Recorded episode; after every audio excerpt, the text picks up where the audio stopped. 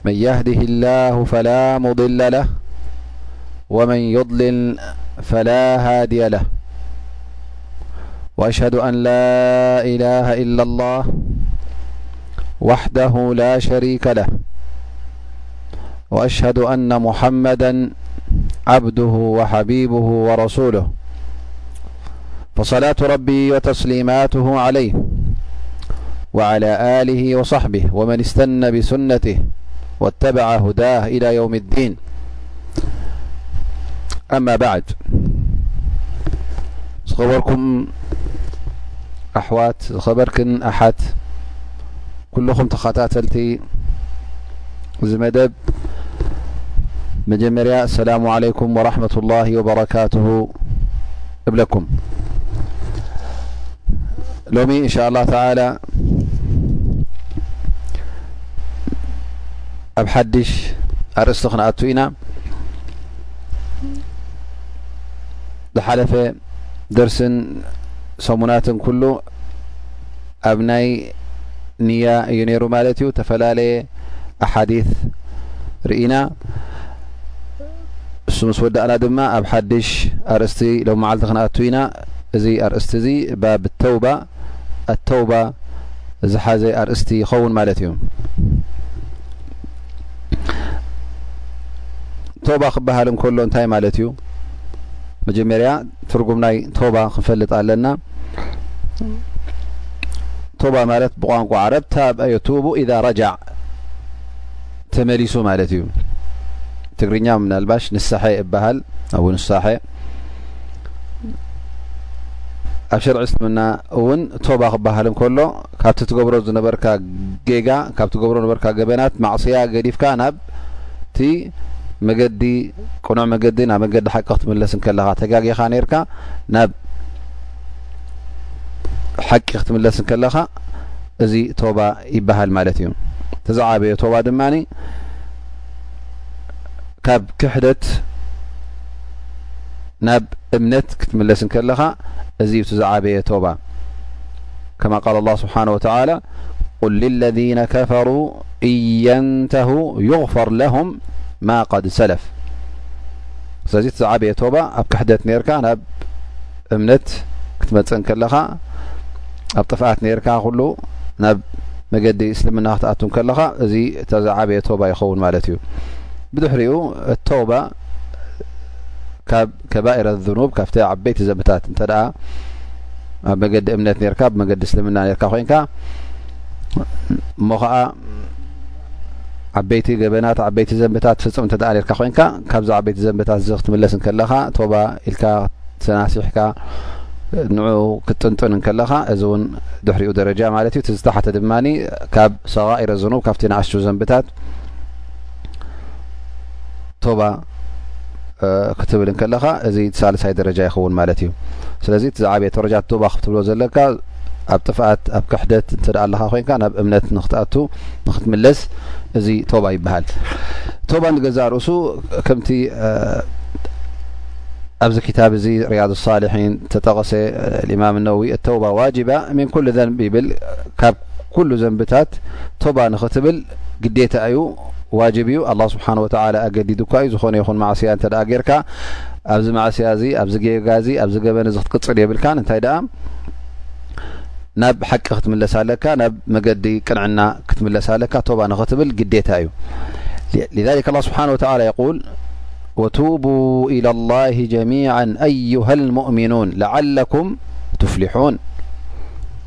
ኣንቱም ሙእምናን ኣንቱም ኣመንቲ ኩልኹም ቶባ በሉ ባዕኒ ሙእሚኒን እዮም ኣላ ስብሓን ወተላ እቶም ምእመናን ኣንቱም ምእመናን ቶባ በሉ እዘን ቶባ ጥራይ ካብቶም ክሓት ይኮነን ዘድሊ ወላ እውን እቶም መገዲ ማን ኣብ መገዲ ማን ኣብ ኢማን ዘለዉ ቶባ ክብሉ ኣለዎም ምክንያቱ ዘይጋገ ሰብ የለን እሞ ከዓ ኣብቲ ጌጋ ወዲቕካ እንተ ኣለካ ኮንካ ቶባ ኢልካ ተናሲሕካ ምሕረት ሓቲትካ ናብ ጎይታኻ ንክትምለስ ማለት እዩ ምንቲ ምንታይ ከማ ቃል ላ ስብሓን ወተላ ለዓለኩም ትፍሊሑን ናብ ዓወት ክትጎናፀፍ ዓወት ክትበፅሕ ለዓለኩም ትፍሊሑን ክትዕወት ማለት እዩ እዚ ዓወት እዚ ድማ ካብቲ ዝፍራህ ነገር ካብቲ ሕማቕ ነገር ካብቲ ዘይትፈትዎ ነገር ድሒንካ ናብቲ ደስታን ናብቲ ትፈትዎን ባህ ዝብለካን ንክትበፅሕን ንክትረክብን ማለት እዩ ፈልፈላሕ ዓወት ማለት እቲ ትደልዮ ክትረክብ እንከለኻን እቲ ትፀልኦ ካብኡ ክድሕን እንከለኻን እዚ እቲ ዝዓበየ ዓወት ያ ኣዩሃ ለذነ ኣመኑ ቱቡ ኢላ ላሂ ተውበተ ነሱሓ ኣንቱም ኣመንቲ ኣንቱም ብኣይ ዝኣመንኩም ናብ ጎይታኹም ተመለሱ ቱቡ ኢላ ላሂ ተናስሑ ተውበተን ነሱሓ ንፁህ ቶባ ንፁህ ንሳሐ ተናስሑ ናብ ጎይታኹም እውን ተመለሱ ኢሉ ኣላ ስብሓን ወተዓላ ኣብ ክታቡ ሓቢሩና እዩ ስለዚ እቲ ቶባ ግዴታ ከም ምዃኑ ሎም መዓልቲ ተረዲእና ኣለና ማለት እዩ እዚ ቶባ እዚ እውን ከማልኦ ዘለዎ ቅድሚ ኩነት ኣለዎ ዑለማእ ጠብዐን ነዚ ቶባ እዚ ሰለስተ ወይ ኣርባዕተ ቅድመ ኩነት ይጠቕሱ ክሳዕ ሓሙሽተ እውን የብፅሕዎ ማለት እዩ ቀዳማይ ቅድመ ኩነት ከተማልኦ ዘለካ ቶባ ክትብል እንከለኻ ኢክላስ ዝበሃል ወይ ከዓ ንፅህና ክህልወካ ኣለዎ ማለት እዩ እዚ ንፅህና እዚ እንታይ ማለት እዩ እቲ ቶባ ክትብል እንከለኻ ድልየትካ ንጎይታ ኢኻ ንኣላህ ስብሓነ ወተዓላ ከተርዲ ንኣላህ ስብሓነ ወተዓላ ከተፍቱ ኢልካ ክትምለስ ኣለካ ደኣ እምበር እቲ መምለሲኻ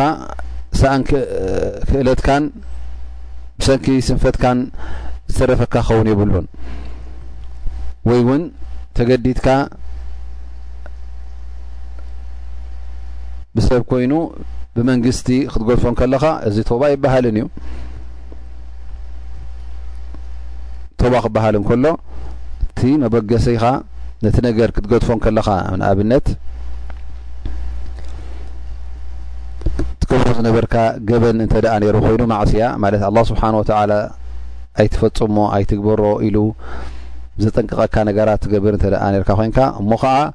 ሕጂ ነዚ ነገር እዚ ክትገድፎ ከለኻ ንጎይታ ፈሪህካ ካብቲ ዝነበረካ ዘንብታት ንክድሐን ኢልካ እንተ ጌርካዮ እዚ ብንፅህና ትገብሮ ኣለኻ ማለት እዩ ወይ ውን ኣላ ስብሓን ወተላ ዝኣዘዘካ ነገራት ነይሩ ኮይኑ ሰላት ዘካት ጾም ንወለድካ ምኽባር ምስ ሰብ ሰላም ምንባር ጽቡቕ ምግባር፣ እዚ ኩሉ ነገራት ኣላህ ስብሓነሁ ወተዓላ ኣዚዙካ እዩ። ንዕኡ ገዲፍካ እንተ ደኣ ትጓዓዝ ኔርካ ኮይንካ እውን ሕጂ ንዕኡ ከተማልእ እንከለኻ ምእንቲ ምንታይ ተማልኦ ኣለኻ? ሊላህ ኢልካ ንጎይታኻ ኢልካ ከተማልእ እንከለኻ እዚ እዩ እቲ ቀዳማይ ቅድመ ኩነት ኢዘን እክላስ ክህሉ ኣለዎ ማለት ንጽህና ክህሉ ኣለዎ ንጎይታ ኢልካ ገለ ነገራት እንተ ብመንግስቲ ተኸልኪሉ ኮይኑ እስኻ መንግስቲ ብዝኸልከለቶ እንተ ሰኣን ምርካብካ እንተ ገዲፍካዮ ንኣብነት ንበል መስተ እንተ ትሰቲ ነርካ ኮንካ እሞ እንተ ብመንግስቲ ተኣጊዱ ሽዑ ደው ምስ በለ እስኻ ደው እንተ ኢልካ እዚ ቶባ ጌርካ ማለት ኣይኮነን ምክንያቱ ሰኣን ክእለትካን ስለ ዘይረከብካዮን ኢኻ ገዲፍካዮ ወይ መንግስቲ እንተ መቕፅዕት ኣለዎ ኢላ ክትቀፅዕ ጀሚራ መስተ ኮይኑ ድራግ ኮይኑ ዝኾነ ይኹን ዓይነት ትወስድ ነርካ ሓራም ዝኾነ ነገር እሞ መንግስቲ ድሕሪ ሕጂ ክንቀፅዖ ኢና ኢላ ብሰንኪ ፍርሃት ናይ መቕፃዕቲ እንተ ገዲፍካዮ እዚ እቲ ቀንዲ ቅድመ ኩነት ናይ ተውባ እታ ቀዳመይቲ ነጥቢ ኣየማላእካን ማለት እዩ ስለዚ እዚኣ ብጥብቂ ክንፈልጣን ክንሕዛን ኣለና ማለት እዩ ካልኣይቲ ቅድመ ኩነት ጣዕሳ ጣዕሳ ክህልወካ ኣለዎ እቲ ዝገበርካዮ ገበን እቲ ዝገበርካዮ ማዕስያ እቲ ዝገበርካዮ ጌጋ ብዘከርካ እዚ ዝገበርክዎስ ጌጋ እዩ ነይሩ ኢልካ ክትጣዓሳ ኣለካ ማለት እዩ እዚ ስምዒት እዚ እንተ ደኣ ዘየለ ኮይኑ እቲ ናትካ ቶባ እውን ትብሎ ዘለካ ንሳሓ እውን ሓቀኛ ኣይኮነን ማለት እዩ ምክንያቱ እንተ ሓደ ሰብ ዝገበርካዮ ገበን ዝገበርካዮ ጌጋት ዝገበርካዮ ሕፅረት ዘይጣዕሰካ እንተ ኮይኑ እንታይ ደኣ ትሕጎሰሉን ትመሰጠሉን ትዘክሮን ትጠቕሶን ንሰብ ከምዚ ገይር ከምዚ ኢልካ ኣብ ቅድሚ ሰብ ትዛረበሉ እንተ ኮንካ እዚ ኣይተጣዓስካን ማለት እዩ ቶባናካ እውን ናይ ብሓቂ ይኮነን ግን ቶባ ክትብል ከለካ ትጣዓስ ኣብ ልብኻ ክስማዓካ እንከሎ ኣነስ ተጋጊየ ኢልካ ነብስኻ ክትወቕሳን ክትእርንባን ከለካ እዚ እቲ ናይ ብሓቂ ቶባ ድልት ከም ዘለካ ተርኢ ኣለካ ማለት እዩ ስለዚ ዳ ካልኣይ ቅድሚ ኩነት ኣነደም ወይ ጣዕሳ ይበሃል ማለት እዩ ስለዚ እቲ ዝገበርካዮ ገበናት ትጣዓሰሉ ከለካ እንታይ ተርኢ ኣለካ ማለት እዩ እቲ ምምላስካ ናብ ሓቂ ሓቀኛ ከም ምኳኑ ሳልሳይ ቅድሚ ኩነት እቲ ትገብሮ ዝነበርካ ጌጋ እቲ ዝነበርኮ እቲ ትፍፅሞ ዝነበርካ ገበን ክተቋርፆ ኣለካ ክትገድፎ ኣለካ እዚ ቅንዲ እዩ ማለት እዩ ነቲ ጉዳይ ከመይ ጌርካ ሰኻ ቶባ ትብል ነቲ ጉዳይ እናሽካዕለልካሉ ከለኻ ኣብ ዝባኑ ኮንካ ድላዩ እና ድላይካ እናፈፀምካ ከለኻ ኣነ ቶባ ኢለ ክትብል ከለኻ እዚ መስሓቅ ነገር ዳኣ እምበር ናይ ቶባ ነገር ኣይሕብርን ማለት እዩ ስለዚ እቲ ልእቅላዕ ዓን ዘንብ ዝብልዎ ወይ ከዓ ካብቲ ዝነበረ ገበን ካብቲ ዝነበረ ጌጋ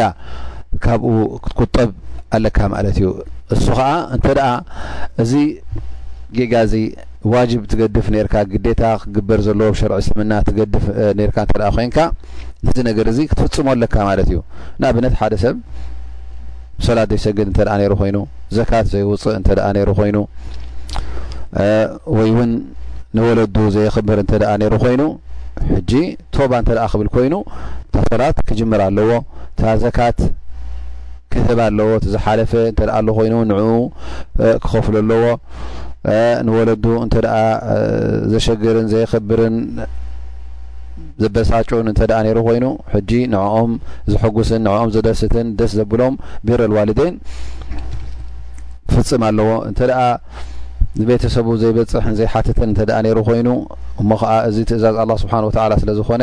ካብቲ ዝነበሮ ባህሪ ቀይሩ ንቤተሰቡን ንስድራ ቤቱን ምብፃሕ ክጅምር ኣለዎ እዚ እዩ ናይ ቶባ ነገር ዘርኢ ማለት እዩ ኢዘን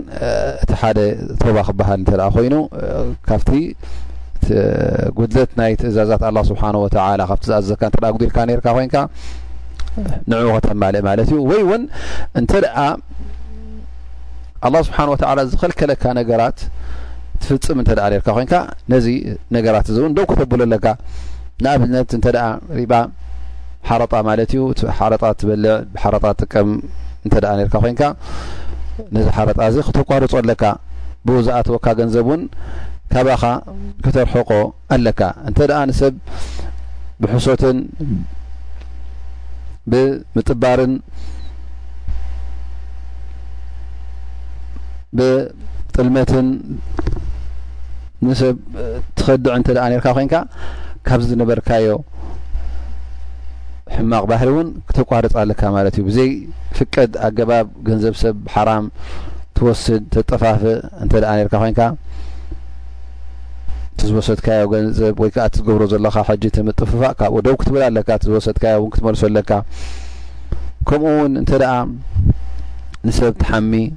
ዘረባ ተላኽዕ እንተደኣ ኔርካ ኮይንካ ብድሕሪ ሰብ ትዛረብ እዚ ከምዚ እዩ እዚ እኳ ከምዚ እዩ እናበልካ ሰብ ተካፍእ እንተደኣ ኔርካ ኮይንካ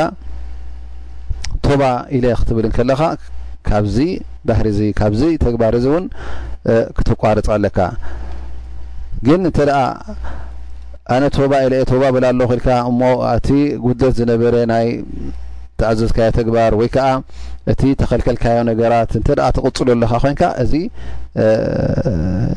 ቶባ ይበሃልን እዩ እንታይ ለግፂ ዝበሃል ክትላገፅ ከለካ ድማ ብኣላ ስብሓን ወተላ ትላገፅ ኣለካ ማለት እዩ ከመይ ጌርካ ንኣ ስብሓ ቶባ ኢለካ እናበልካዮ እቲ ተግባራትካ ዘይተቕይር እሞ እዚ በቲ ዲን ትላገጽ ኣለኻ ማለት እዩ በቲ ናይ ቶባ ነገር ትላገጽ ኣለኻ ምልጋጽ ድማ ቀሊል ነገር ኣይኮነን ካብቲ ዘገርም ምናልባሽ ገለ ሰባት ኮፍ ኢልካ ከተዕልሎ ከለኻ ወይ ከዓ ክዕለካ እንከሎ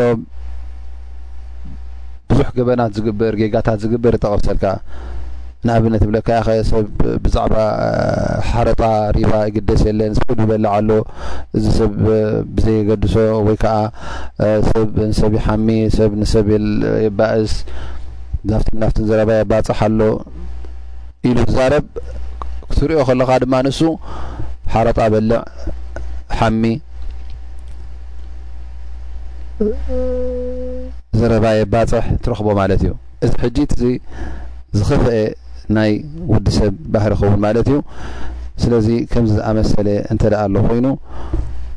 ክጥንቀቕ ኣለዎ ሰብ ማለት እዩ ከመይ ገይሩ ሰብ ጋገ ኣሎ ከምዚ ኮይኑ ተጋግዩ እቲ ከምቲ ከይሩ ከም ብለካ ኣሱኑስ ገዛእ ርእሱ ቀዳማይ ኣብዚ ነገር እዚ ኮይኑ ይርከብ ዝኾነ ኮይኑ ወዲ ሰብ ካብቲ ወዲቕዎ ዘሎ ዓዘቕቲ ናይ ዘንቢ ካብኡ ክላቐቕ ኣለዎ ብቐጥታ ብቕልጡፍ ክደናጎዮ የብሉን እንተ ደኣ ካብኡ ዘይተላቐቐ ካብኡ ዘይረሓቐ ግን እታ ቶባ ናይ ብሓቂ ቶባ ኣይኮነትን እታ ንስሓናት እውን ናይ ብሓቂ ኣይኮነትን ማለት እዩ ስለዚ ኣብቲ ዘለኻዮ ዘንቢ እንተ ትቕፅል ኣለኻ ኮንካ ኣብቲ ዘለኻዮ ገበን እንተ ተሽካዕልል ኣለኻ ኮንካ ከመይ ጌርካ ቶባ ኢለ ትብል እቲ ቶባ ናካ ሓቀኛ ቶባ ኣይኮነን እንታይ ደኣ ወይ ነብስካ ተታልል ኣለካ ማለት እዩ ብሓቂ ኣላ ስብሓን ወተላ እውን ክተታልሎ ኣይትኽእልን ኢኻ እሱ ኣላ ስብሓን ወተላ ካብኡ እውን ዝሕባ የለን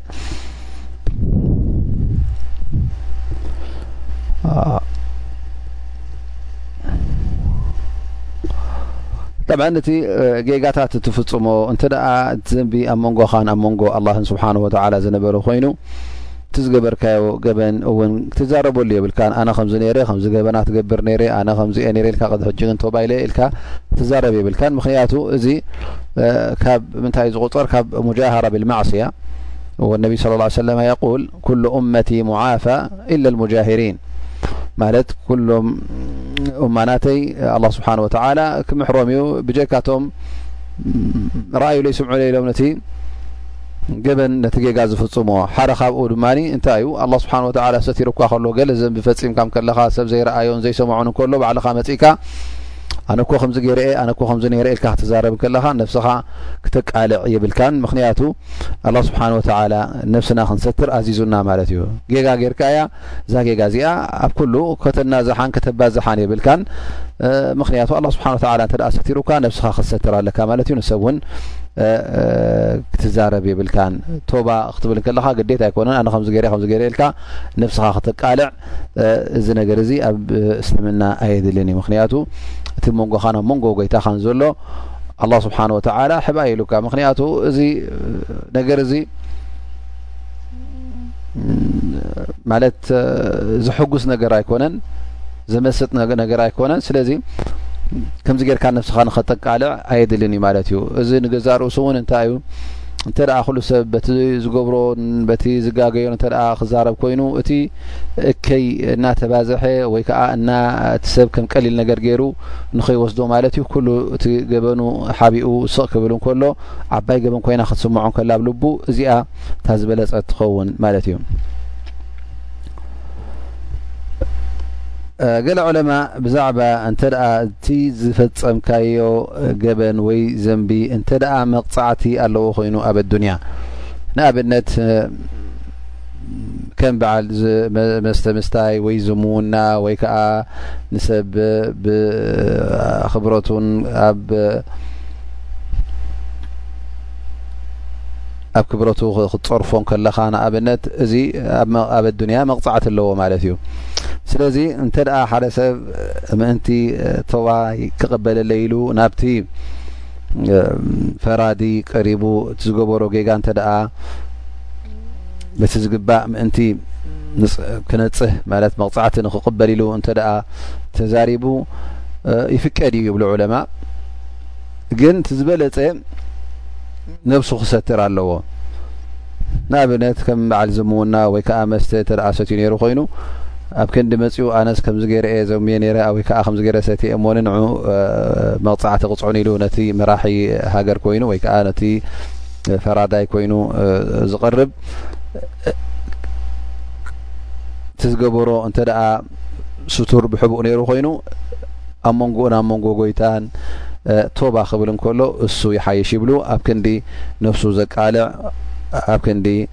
እውን እቲ ነገር ናብ ኩሉ ዝስማዕን ዝበፅሕን ስለዚ እንተ መቕፃዕቲ ክወስድ ኢሉ እቲ ዝነበረ ዘንቢ ክፀርየሉ ኢሉ እንተቀረበ ፍቀድ እዩ ዘይፍቀድ ኣይኮነን ግን እቲ ዝበለፀ እንተተሰተረ ነብሱ እንተሰተረ ይሓይሽ ይብሉ ዑለማ ማለት እዩ ፈሊዛሊክ እንተ ሓታ ነብስኻ ኮይኑ ወይ ንካልእ እውን ሰብ ክትሰትር እንከለኻ እንሻ ላ ነብስኻ ኣይትፈድሐን ብካልኦት እውን ኣይትፈድሐን እዚ እንተ ተባ ኣብ መንጎኻን ኣብ መንጎ ኣላ ስብሓን ወተላ ኮይኑ ኣላ ስብሓን ወተላ እውን ንባሮቱ ዘንቦም ትገገበናቶም ይንሕፈሎም የፅርየሎምን ይስርዘሎምን እዩ ግን ቲ ዘንቢ ከምቲ ዝበልናዮ ኣብ መንጎኻን ኣብ መንጎ ባሮት ኣላህን እንተ ደኣ ኮይኑ ማለት እቲ ዝገበርካዮ ገበን ጥራይ ናይ ኣላ ስብሓን ወተዓላ ትእዛዝ ምጥሓስ ጥራይ ዘይኮነስ እንታይ ደኣ መሰል ኣሕዋትካ መሰል ፍጡራን እንተ ደኣ ጥሒስካ ኣሎ ነርካ ኮንካ ኣብዚ እዋን እዚ እቲ ቶባናካ ኣላ ስብሓን ወተዓላ ክቕበሎ እንተ ደኣ ኮይኑ እቲ ዝገበርካዮ እቲ ተጋጊኻዮ ከም ጉቡእ ነቲ ሰብ ወይ እንተ ብምሕረት ኮይኑ ምሕረት ክትጠልብ ኣለካ ካብኡ ንኣብነት ገንዘብ ዝሰረቕካዮን ዘጠፋፍእካዮን እንተ ነይሩ ኮይኑ ነዚ ሰብ እዚ ናብቲ ዝሰረቕካሉ እቲ ዝሰረቕካዮ ገንዘብ ክትመልስ ኣለካ ወይ ከዓ ካብኡ ምሕረት ትሓት ኣለካ ኣነ ከምዚ ከምዚ ገንዘብ ወይ ሰሪቐካን ወይ ኣጠፋፊኤካ ነይረ እሞኒ ኣነ ቶባ ስለ ዝበልኩ ሕጂ ድማ ገንዘብ የብለይን ምሓረኒ ኢሉ እንተ ምሓረኒ ትብሎ እንተ ምሒሩካ ጽቡቕ ወይ እውን እዚ ገንዘብካ እንተ ተቐቢልካዮ ጽቡቕ ተመሓርካ ንውን ጽቡቕ ኢልካ እንተ መሓረካ ጽቡቕ ማለት እዩ ጠብዓ እዚ ጉዳይ እዚ እውን ኣይቋርፅን እዩ ንኣብነት እቲ ዝሰረቕካዮ ገንዘብ መሰለ ካብ ሓደ ሰብ ነይሩ እዚ ዝሰረቕካዮ እንተ ሞይቱ ሞይቱ ኢልካ እቲ ጉዳይ ኣይተጨረሰን እንታይ ደኣ ጌና ኣብ እንግድዓኻ ኣብ ዝባንካ እዩ ዘሎ ኣብ እንግድዓኻ ኣብ ዝባንካ እዩ ዘሎ ስለዚ ወላ ድሕሪ ሞት እዚ ሰብ እዚ እንታይ ይኸውን ማለት እዩ ግዴታ ነቶም ወረስትናቱ ትህቦም ናብቶም ወረስትናቱ ትህብ ማለት እዩ ምክንያቱ እዚ ገንዘብ እዚ ድሕሪ ሞቱ ማለት ሓደ ሰብ ምስ ሞተ ገንዘብ ንመን እዩ ዝኸውን ንወረስቲ እዩ ዝኸውን ስለዚ ነቶም ወረስቲ ሓቲትካ እንተ ደኣ ትፈልጦም ኮንካ ንዕኦም ትህቦም ማለት እዩ ስለዚ ጉዳይ ሓቂ ናይ ሰብ ወይ ከዓ ዘጠፋፋእካዮ ነገር ዝወሰድካ እተ ኮይኑ ኣይጭረስን እዩ ብምንታይ እዩ ዝጭረስ ክጭረስ ስለ ኮይኑ ወይ ክምሕሩካ ኣለዎም ወይ ከዓ ናቶም ክትቦም ኣለካ ማለት እዩ እንተ ደኣ ናይ ገንዘብ ዘይኮነ ወይ ንኣብነት እተ ናይ መግረፍቲ ኮይኑ ሓደ ሰብ ብዘይ ሕጊ እንተ ሃሪምካዮ ኣብ ነብሱ ኣብ ኣካላቱ ጉድለት ኣስፊርካሉ ወይ እውን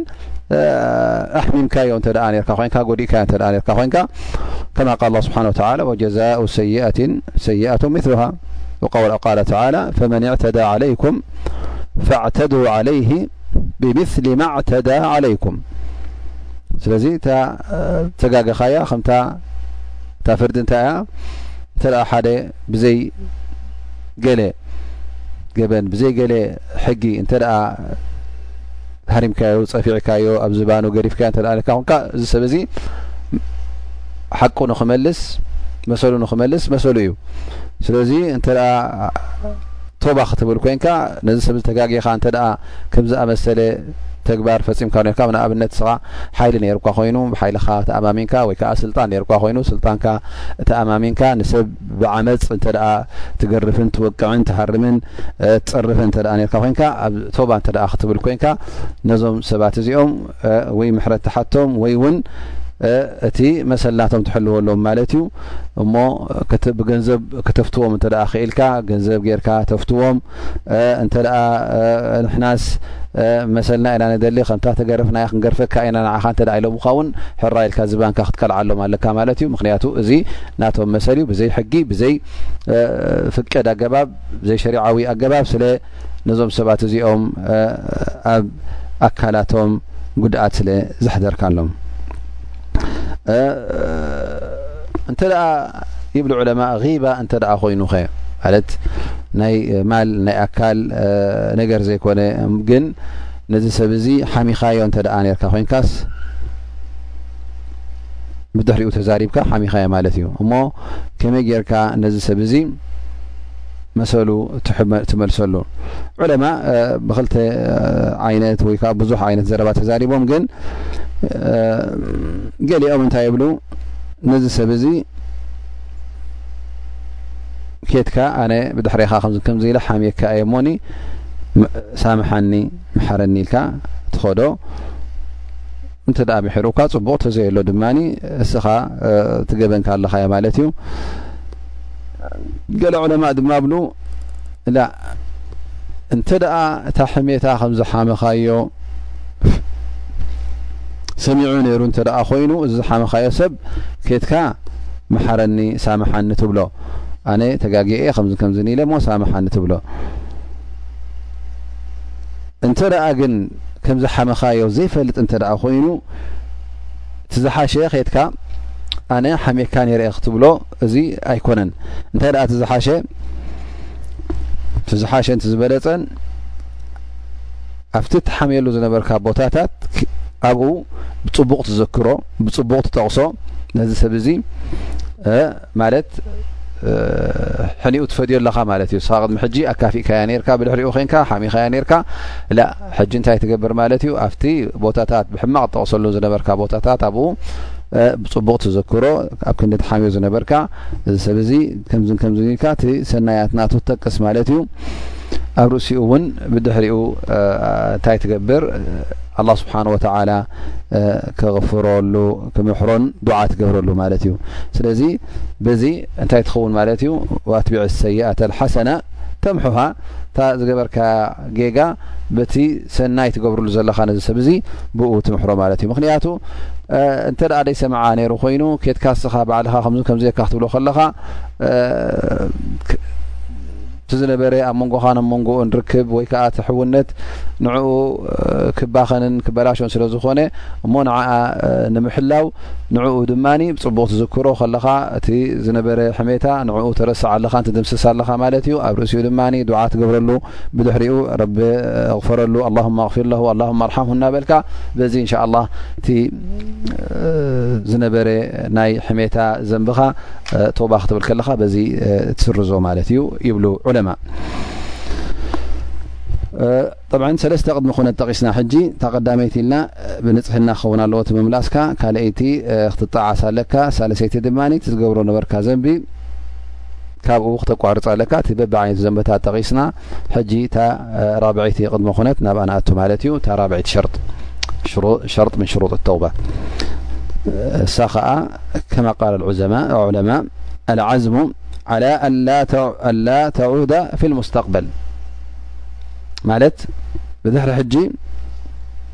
ንኸይትምለስ ድሕሪ ሕጂ ኣብቲ ዝነበርካዮ ጭቃ ኣብቲ ዝነበርካዮ ርስሓት ንኸይትምለስ ክትሕቅን ኣለካ ማለት እዩ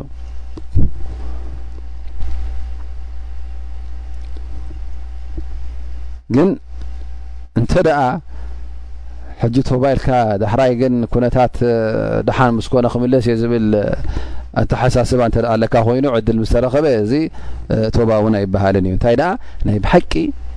ህቀናን ናይ ብሓቂ ንያን ድልትን ክህልወካ ኣለዎ ድሕሪ ሕጂ ኣብዚ ዝነበርኩ ወጌጋስ ኣይምለስን እየ ኣበደን ኢልካ እዚ ዓይነት እዚ ስምዒት እዚ ዓይነት እዚ ክሓድረካ ኣለዎ ስምዒት እዚ እሞ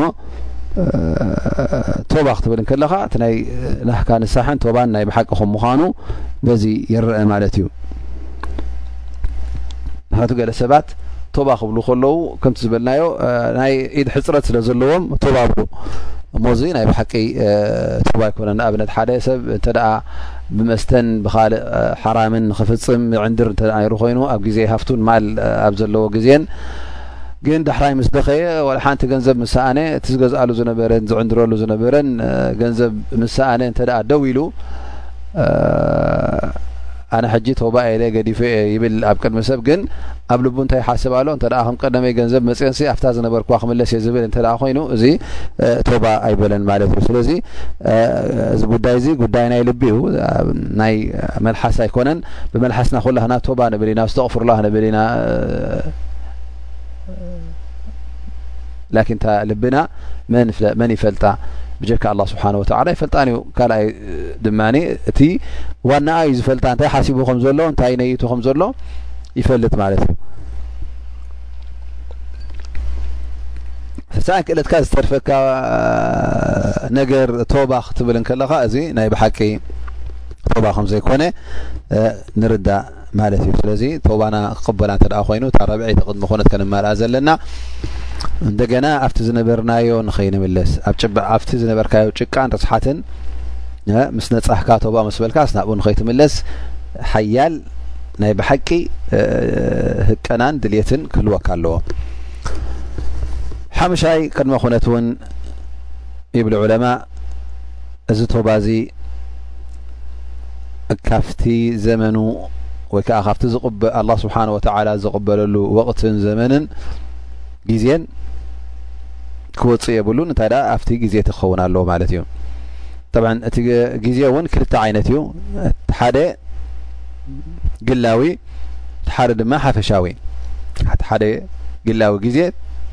እቲ ካልኣይ ሓፈሻዊ ማለት እዩ እቲ ግላዊ ንብሎ ዘለና እቲ ናይ ቶባ ዝብል ዘሎ ወዲ ሰብ እሱ ናቱ ናይ በይኑ ምስ ዕድሚኡ ተኣሰረ ወይ ከዓ ምስ ህየቱ ተኣሳሰረ ይኸውን ማለት እዩ እሱ ከዓ ቶባ ክብል እንከሎ እታ ቶባ ናቱ ኣላ ስብሓን ወተላ ቅበላ እንተ ደኣ ኮይኑ ኣፍታ ሰዓት ሞቱ ህይወቱ ኣብ ጎረርኡ ትቕርቀረሉ እዋን ሸዓ ክትከውን የብላን እንተ ሸዓ ቶባ ክብል ኮይኑ እዚኣ ግዜ ኣይኮነተ ማለት ግዜኣ ምስ ሓለፈት እዩ ቶባ ዝብል ዘሎ ማለት እዩ ግዜኣ ሓሊፋ ማለት እዩ ኣብዘይ ግዜኡ ትገብሮ ነገር ድማ ቅቡል ኣይኮነን ኣብዘይ ግዜኡ ትገብሮ ነገር ቅቡል ኣይኮነን ወላ ዝኾነ ይኹን ዓይነት ሕጊ ተዳርእና ቅቡል ኣይኮነ ወላ እቶም ኩዕሶ ዝፃወቱ እተ ድሕሪ ግዜ ምእካሉ ጎል ኣትያታ ክዕሶ እታ ጎል ኣይትሕሰብን እያ ስለዚ ብሓፂር ኣገላልፃ ኣብ ግዜኡ ክኸውን ኣለዎ ሓደ ካብቲ ግዜኡ ድማ ቅድሚ ናይ ቐርቀራ ማለት ሰዓት ሞትካ ምእታዋ ኣብታ ሩሕካ ኣብ ጎረሮካ ትቕርቀረላ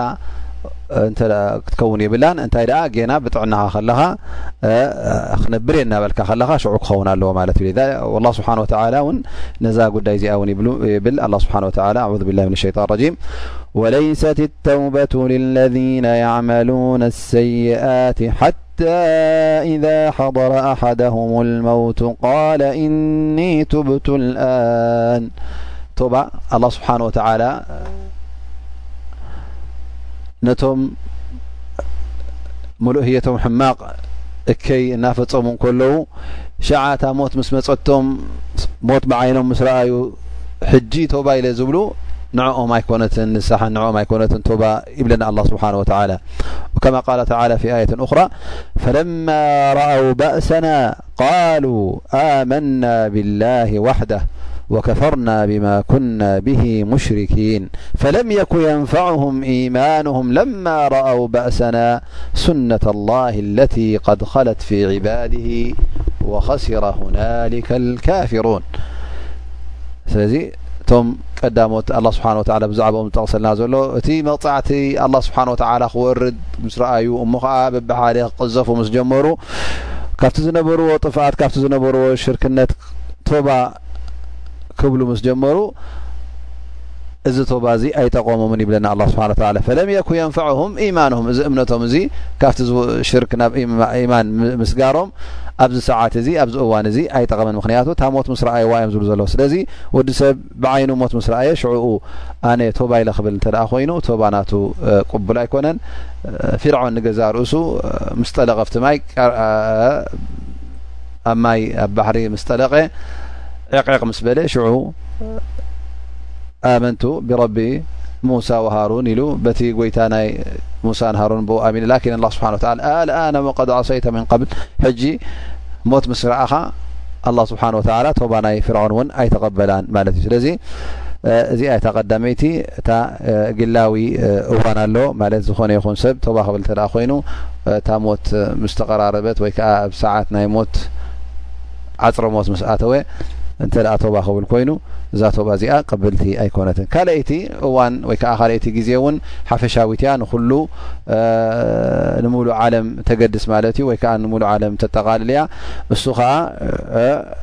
ኣብቲ ግዜ ናይ ዮም ኣልቅያማ ዝኣተወሉ እዋናት ምልክታት ቅያማ ዝመፃሉ እዋን እሳ ድማ እታ ፀሓይ ኣብ ክንዲ ከም ጉቡ ከምቲ ልሙድ ብምብራቅ ትረኣ ዝነበረት ብምብራቕ ትበርቕ ዝነበረት ብምዕራብ ክትበርቕ እንከላ ሽዑ እውን ናይ ንሳሕን ናይ ቶባን ሰዓት ግዜ እውን ተዓፅዩ ይኸውን ማለት እዩ ስለዚ እዚ እቲ ሓደ ምልክት ካብቲ ናይ ዝዓበየ ምልክታት ናይ የመቅያማ ስለ ዝኾነ ኣላ ስብሓን ወተላ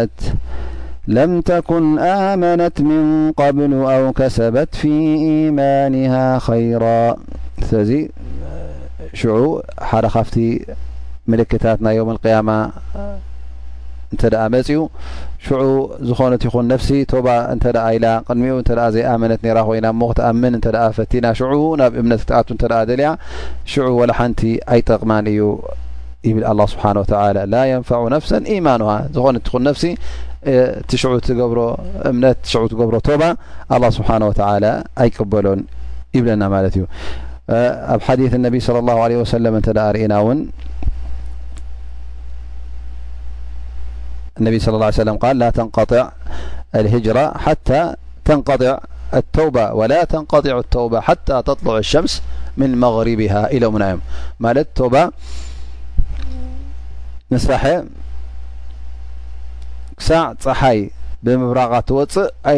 ኣይተቋርፅን እያ ማለት ዝኾነ ይኹን ዝወዲ ሰብ ቶባ ክብል ይኽእል እዩ እንተ ደኣ ቅድሚ ፀሓይ ብምዕራብ ምውፃኣ ማለት እቲ ቅያማ ምእታዊ ማለት እዩ ሰዓት ናይ ቅያማ ምትእትታው ስለ ዝኾነ ስለዚ ቶባ ክንብል እንተ ኮይና ኣብቲ ግዜኣን ኣብቲ ሰዓታን ኩሉ ቅድመ ኩነታታ ኣማሊእና ቶባ ክንብል ኣለና ማለት እዩ ስለዚ ካብቲ ዝነበርናዮ ዘንቢ ክንለዓል ኣለና ክንርሕቕ ኣለና ናይ ብሓቂ ቶባ እውን ክኸውን ጠብ ገለ ዕለማ እንታይ ይጠቕሱ ሓደ ሰብ እንተ ደኣ ቶባ ክብል ኮይኑ እሞ ካብ ኩሉ ዘንብታቱ ድዩ ዝብልሲ ወይስ ካብ ገሌ ዘንብታት ቶባ ኢሉ ካብ ገለ ቶባ እንተዘይበለስ ከመይ እዩ ንኣብነት ሓደ ሰብ ብዙሕ ዘንብ ኣለዎ ሰራቅን ሰታይ መስተን ካልእ ዘንብታትን ዝገብር ይኸውን እሞ እዚ ሰብ እዚ ኣነ ሕጂ ካብ ስርቂ ቶባ ኢለ ኣለኹ ኢሉ ግን እታ መስተስ ክሳዕ ሕጂ ክገድፋ ኣይከኣልኩን ኢሉ ጥራይ ካብታ ስርቂ እንተ ተባሂሉ ሃል ይቕበል ዶ እዚ ከመይ እዩ ኢሎም ዑለማ ተዛሪቦምሉ ዝኾነ እትኹን ዘንቢ በይና ስለ ዝኾነት መቕፃዕቲ ናታ ፍልይ ዝበለት ዘንቢ ናታ እውን ፍልይ ዝበለ ስለ ዝኾነ ይብሉ ዑለማ እዚ ሰብ እዚ እታ ቶባ ዝብለላ ዘሎ ዘንቢ ኣላ ስብሓን ወተላ ቶባ ክብለሉ እተ ናይ ብሓቂ ኮይኑ እተ ገዲፍዋ ግዴት ኣይኮነን እታ ካልኣይቲን ሳለሰይትን ራብዐይትን ዘንብታት ዝፍፅመን እሞ ከዓ ቀፂሉ ኣሉ ኮይኑ ላኪን ገለ ዑለማ እውን እንተ እዚ ናይ ብሓቂ ፈራህ ረቢ እንተ ኮይኑ ነይሩስ ሓደ ዘንቢ ቶባ ክብል ሓደ ዘንቢ ክገድፍ ወይ ከዓ ኣብቲ ሓደ ዘንቢ ክቅፅልሲ ከመይ ገይሩ ኢሎም ገለ ዑለማ ግን ሓደ ሰብ ቶባ ክብል ከሎ ኩሉ ጌጋታት ዝገብሮ ዝነበረ ክገድፎ ኣለዎ ይብሉ ማለት እዩ ላኪን እቲ ቁኑዕ ነጥቢ ወይ ከዓ እቲ ቁኑዕ ርእቶ ቶባ እንተ ኢልካ ዋላ እውን ካብ ሓንቲ ዓይነት ዘመ ቶባ እንተ ኢልካ ኣላ ስብሓን ወተላ ናይ ብሓቂ ድልት እተ ኣለካ ኮይኑ እተ ገዲፍካያ ብንፅህና እቲ ሽሩጥናታ እተ ኣማሊእካ ግዴታ ኣይኮነን እቲ ካልእ ንክትገትዎ እቲ ዘንቢ ናቱ ቀፂሉ ኣሎ ማለት እዩ እዚኣ ግን ቶባ ስለ ዝበልካ ኣላ ስብሓን ወተዓላ በቲ ዝበልካዮ ቶባ ይስርዘልካ ማለት እዩ ስለዚ ዝኾነት ይኹን ገበን መቕፃዕታን እቲ ከምኡ እውን ገበን ምዃናን ፍልይቲ ስለ ዝኾነት ኣብ ኣዱንያ ይኹን ኣብ ኣኼራ ነናቲ መቕፃዕቲ ስለ ዘለዎ ስለዚ ኩለን ፍሉያት ብሓደ ኣይኮናን፣ ኩሉ ገበናት ሓደ ኣይኮነ፣ ኩሉ ገበናት ከም ሓደ ጥሙር ነገር ኣይኮነን ዝቑፅር፣ እንታይ ደኣ ኩሉ ነናቱ ኣለዎ። እንተ ሓደ ሰብ እውን ገበን ገይሩ ኣብ ኣዱንያ መስተ ሰትዩ ሰሪቑ ናይ መስተ መቕፃዕቲ ይቕፃዕ፣ ናይ ስርቂ እውን ይቕፃዕ ማለት እዩ። ክልቲኡ ከም ሓደ ጌርካ ጠሚርካ ኣይኮንካ እንትቐፅዖ። ስለዚ ኣብቲ ቶባ እውን እንተ ካብ ገለ ዘንብታት ዝገበሮ ቶባ ኢሉ ግን ገለ ዘንብታት ዝገብሮ ዘሎ ክሳብ ሕጂ ቶባ እንተ ዘይበለ ኮይኑ እቲ ቶባ ዝበለሉ ቶባ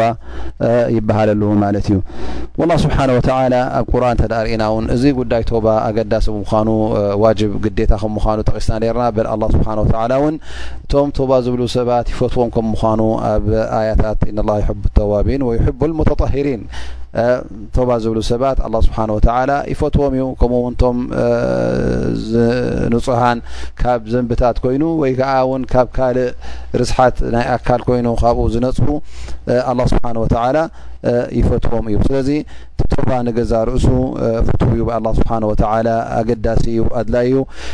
ንሕና ውን እንገብሮ ገበናት እንገብሮ ጌጋታት ውሑድ ስለ ዘይኮነ ኩሉ ግዜ ክንግደስ ኣለና ቶባ ንክንብል ብዝከኣለና መጠን ምክንያቱ ጉዳይ ቶባ እነቢ ስለ ላه ለ ሰለም ባዕሎም ንገዛ ርእሶም ኣብ መዓልቲ ሰብዓ ግዜ መት ግዜ ናብ ጎይታ እስተቕፍሩላ ኢሎም ይቐርቡ ነይሮም ማለት እዩ ንጎይታ ኣ ስብሓ ወተላ ምሕረት ይሓቱ ነይሮም ማለት እዩ ላ ስብሓ ወተላ እውን ኣብቲ ኣያታት ቁርን እተዳርእና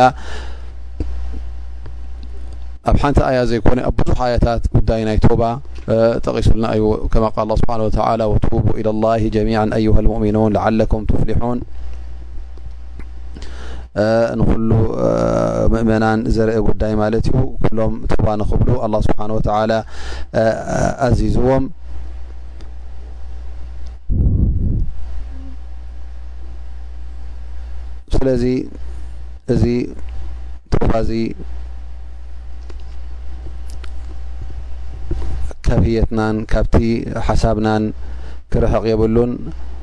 ኣላ ስብሓን ወተላ ምእንቲ ክምሕረናን እቲ ዝገብሮ ዘለና ዘንብታት እውን ክስር ዘልና ቶባ ክበሃል እንከሎ ናይ ብሓቂ ቶባ ክኸውን እንከሎ እውን እተውባ ተጅቡ ማ ቀብልሃ ኩሉ እቲ ዝገበርካዮ ዘንብታት ትስረዘልካ ማለት እዩ ከምኡ ኢልካ ኣይኮንካን ትቕጽል እንታይ ደኣ ቶባ ኢልካ ናይ ብሓቂ ቶባ ክትገብር እንከለኻ እዚ ኩሉ ዝጠቐስናዮ ቅድመ ኩነት ክተማልእ እንከለኻ ኣላህ ስብሓን ወተዓላ እቲ ዝሓለፈ ዘንብታት ኩሉ ክስርዘልካ እዩ